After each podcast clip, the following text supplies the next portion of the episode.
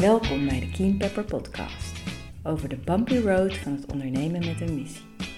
Mijn naam is Nienke Poortvliet, eigenaar van Keen Pepper, een adviesbureau voor ondernemers met een missie. In deze podcast staat de ondernemer centraal. Door het delen van eerlijke en openhartige interviews met ondernemers en het delen van inspiratie, tips en adviezen wil ik jou als ondernemer helpen op jouw bumpy road naar meer groei en impact.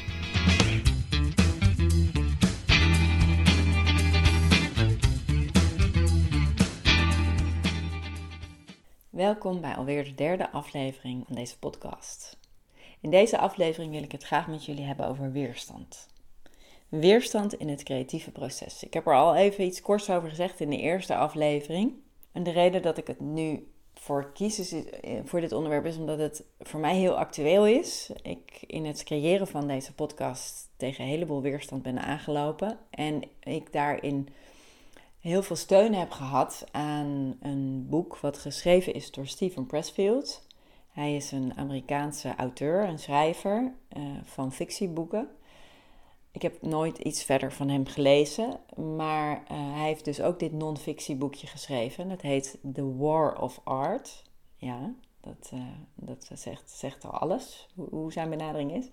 Break through the blocks and win your inner creative battles. En ik heb dat boekje ooit gelezen ik denk drie jaar geleden, in het kader van een uh, online cursus die ik volgde, een Amerikaanse cursus. En ik was wel geïnspireerd. Ik vond het echt wel heel interessant hoe hij het benaderde, maar het was ook een beetje abstract. Uh, totdat ik nu zelf midden in een vrij intensief creatieproces uh, zat en heel erg tegen die weerstand aan liep. En dat boek dus weer ter hand heb genomen en een aantal dingen heel mooi op zijn plek vielen.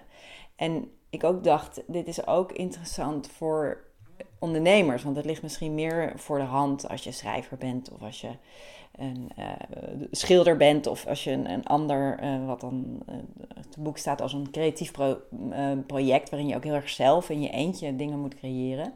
Maar het is denk ik ook heel relevant, in ieder geval voor mij als ondernemer, maar ik denk ook voor jullie, waarin je ook zoekt naar allerlei innovatieve oplossingen voor complexe problemen of echt een, een vrij fundamentele verandering teweeg wil brengen in, een, in bijvoorbeeld de theesector, zoals Frank About Tea, of, of juist in de manier waarop we met de dood omgaan en de manier waarop we afscheid nemen van mensen en de manier waarop we, dus de, de hele uitvaartbranche, um, daarin um, ben je, is dat natuurlijk ook per definitie een heel creatief proces. Nou, wat is, wat is die weerstand dan eigenlijk?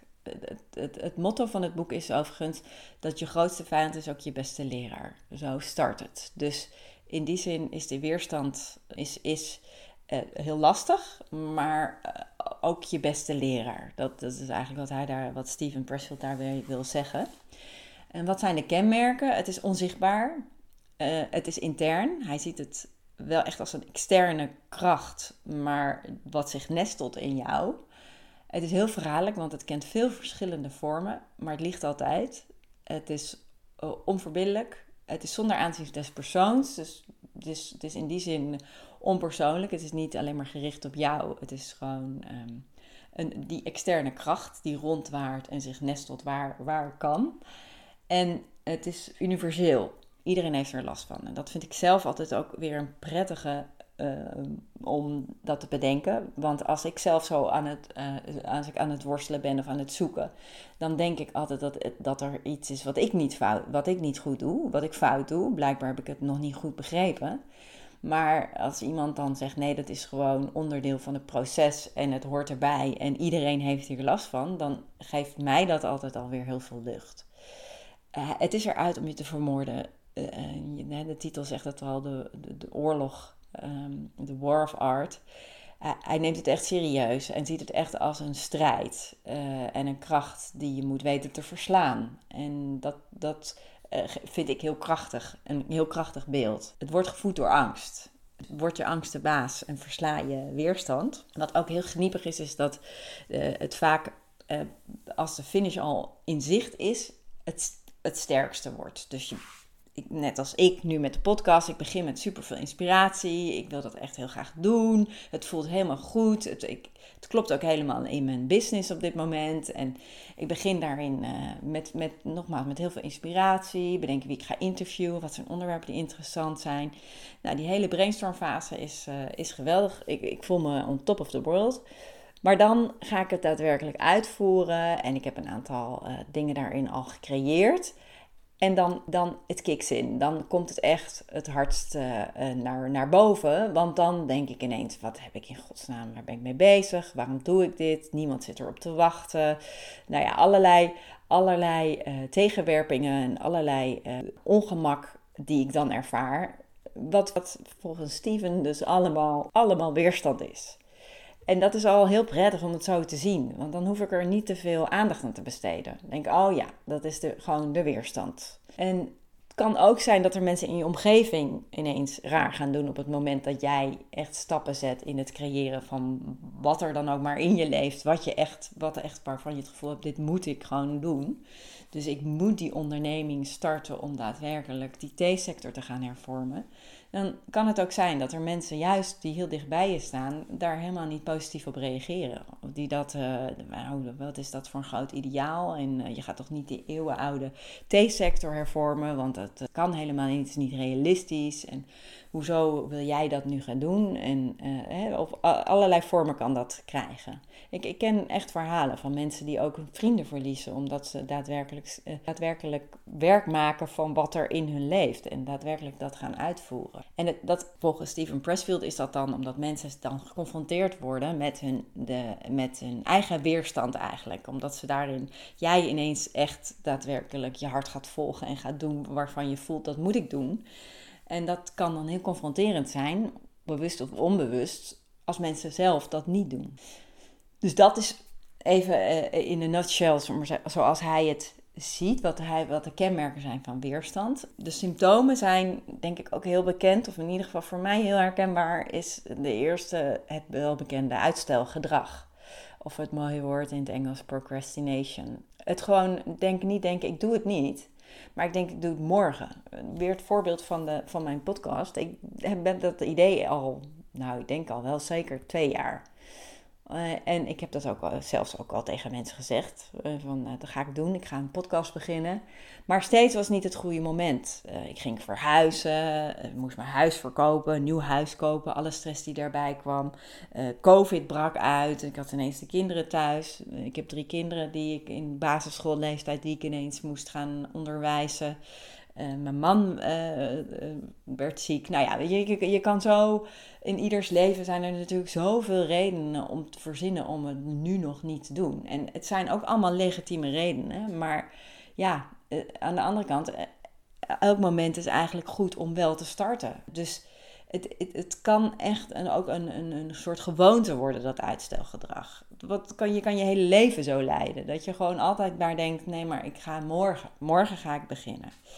En, en dat, is, dat is een vorm van weerstand. En net als het verdoven, dat drugs uh, in eten, Netflix, of jezelf in de problemen brengen, waardoor je ook nooit hoeft te beginnen. En ik vind daar het wel ook een beetje een lastig voor, want je hebt soms gewoon echt uh, problemen in je leven waar je alsof alles maar maakbaar is en je overal invloed op hebt. Maar het is wel interessant om, om bij jezelf te onderzoeken. Want wat is nou eigenlijk precies eh, de reden waarom ik niet begin met wat ik eigenlijk daadwerkelijk zo graag zou willen doen? En, en slachtoffergedrag hoort daar natuurlijk ook bij. Dus dat het nooit aan jou ligt dat je niet begint. Maar het zijn de omstandigheden. Je hebt niet de juiste mensen om je heen. Of ja, je hebt een uh, slechte mensen die jou niet goed op weg helpen. Die jou niet stimuleren. Je hebt een vervelende jeugd gehad. Ik bedoel, je kan zo allerlei ook redenen verzinnen waarom jij uh, nog niet begonnen bent. Maar uiteindelijk heb je zelf die verantwoordelijkheid en moet je de stap gewoon zetten. Want het voelt niet fijn. Het voelt uh, ongelukkig, ongedurig. Je kan zelfs een soort van vorm van zelfhaat ervaren als je, als je nooit die stap zet om daadwerkelijk te gaan creëren wat je wil gaan creëren. Dus uh, het is niet een fijne zone om in te zijn. En daarin um, is het natuurlijk de angst uiteindelijk, weerstand, wordt gevoed door angst. En zijn stelling is, hoe banger je bent, om iets daadwerkelijk te gaan doen, hoe zekerder je ervan kan zijn dat je het echt moet gaan doen.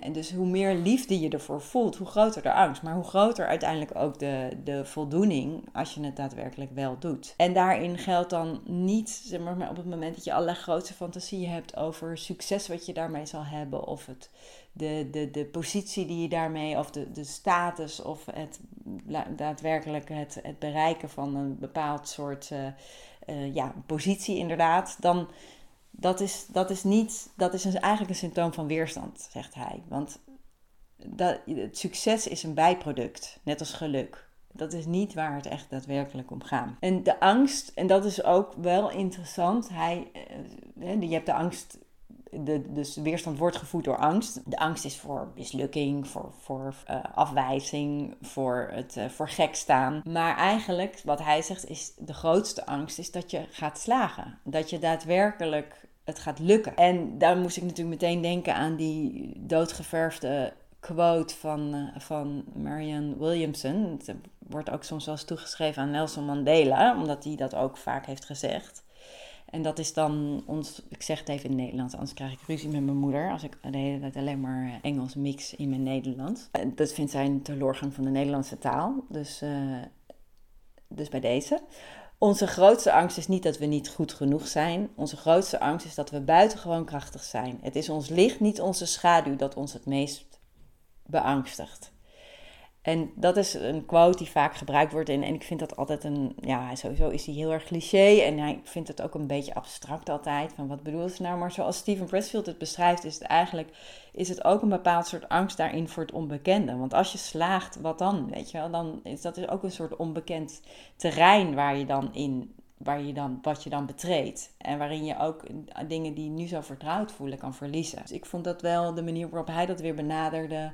Ook weer net anders, waardoor ik hem beter uh, begrijp en beter voel. Dan, hoe ga je om met die weerstand? Want uh, ik, we hebben het net gehad over wat zijn dan de kenmerken en wat zijn de symptomen. Maar wat is, hoe ga je ermee om? En eigenlijk is dat vrij simpel. Dat is namelijk door het gewoon te doen. Je moet gewoon gaan zitten en aan het werk gaan. En zitten en aan het werk gaan, dat is natuurlijk zeker als je een boek gaat schrijven, is gewoon zitten en schrijven.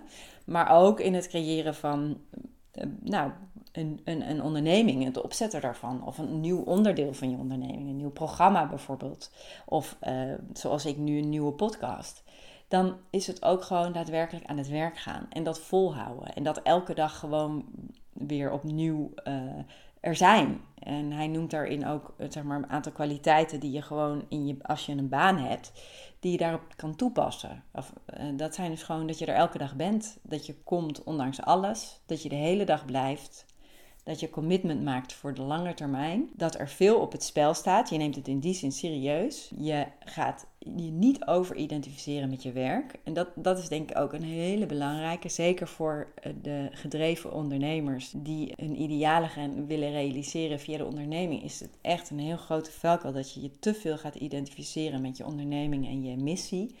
Waardoor je over je eigen grenzen heen gaat, niet meer goed voor jezelf zorgt. En waardoor, maar waardoor je dus ook zeg maar, het perspectief uh, uh, verliest. Dat je niet meer die relativering hebt, die, waardoor je je niet meer daadwerkelijk je volledig alles kan, daarin kan geven. Omdat je daarin echt ook jezelf, jezelf voorbij loopt.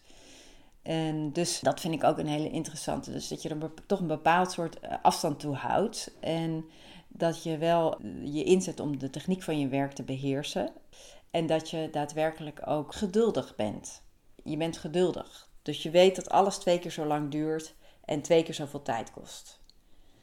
En daarin voorbereid bent om gewoon te doen wat nodig is om, en om jezelf vooral de baas te blijven. Want die weerstand die nestelt zich in jou. Het is intern. Dus jij moet jezelf daar die, die, die, uh, die strijd aan blijven gaan. En, en ook bereid zijn om negatieve feedback te krijgen. Het zal zeker ook als ondernemer op het moment als jij een innovatief bedrijf neerzet en daar stappen in maakt en dat op een andere manier doet. Nou, dat is echt niet dat iedereen daarvoor staat te applaudisseren. Het is vaak tegen de stroom in. Dus je moet echt um, in staat zijn om daadwerkelijk dan die, die, zoals hij dat dan noemt, de klappen te, in, te incasseren.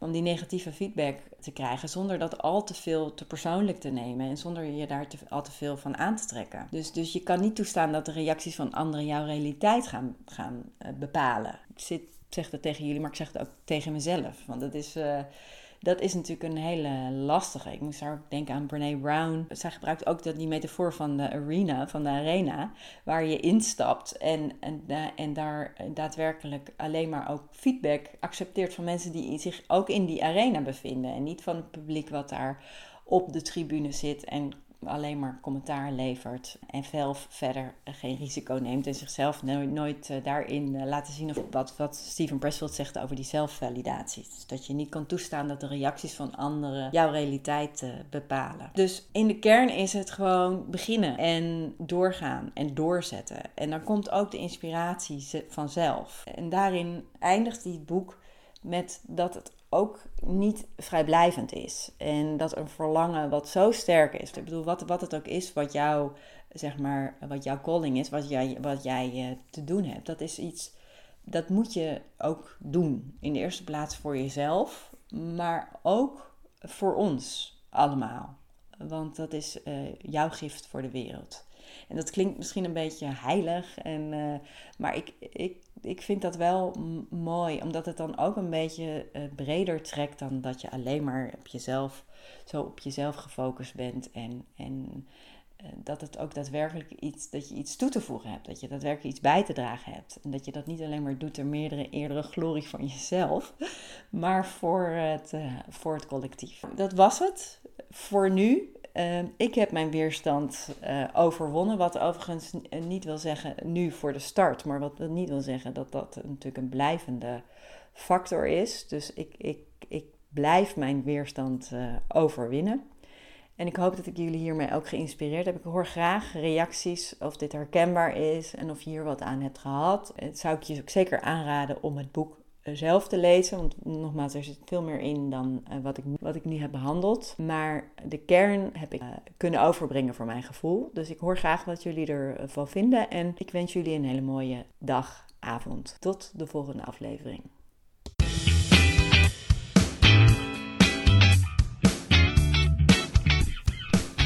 Dank voor het luisteren naar de Keen Pepper podcast. Als je deze podcast interessant vindt kan je je via jouw podcast-app abonneren via de button subscribe of abonneren. Elke keer als er een nieuwe aflevering wordt gepubliceerd, ontvang je dan automatisch een berichtje. Je kan via de podcast-app ook een review achterlaten, dan kunnen nog meer mensen de podcast vinden. Als je iemand kent voor wie deze podcast ook interessant is, kan je de podcast ook delen via een eenvoudig linkje via Spotify bijvoorbeeld. En last but not least, ik vind het super leuk om berichtjes te ontvangen van luisteraars. Dus laat het vooral weten als je vragen hebt, opmerkingen of suggesties of als je een belangrijk inzicht hebt gekregen door de podcast. Je kan mij bereiken op info@keenpepper.nl. Nogmaals, heel erg bedankt voor het luisteren en tot de volgende aflevering.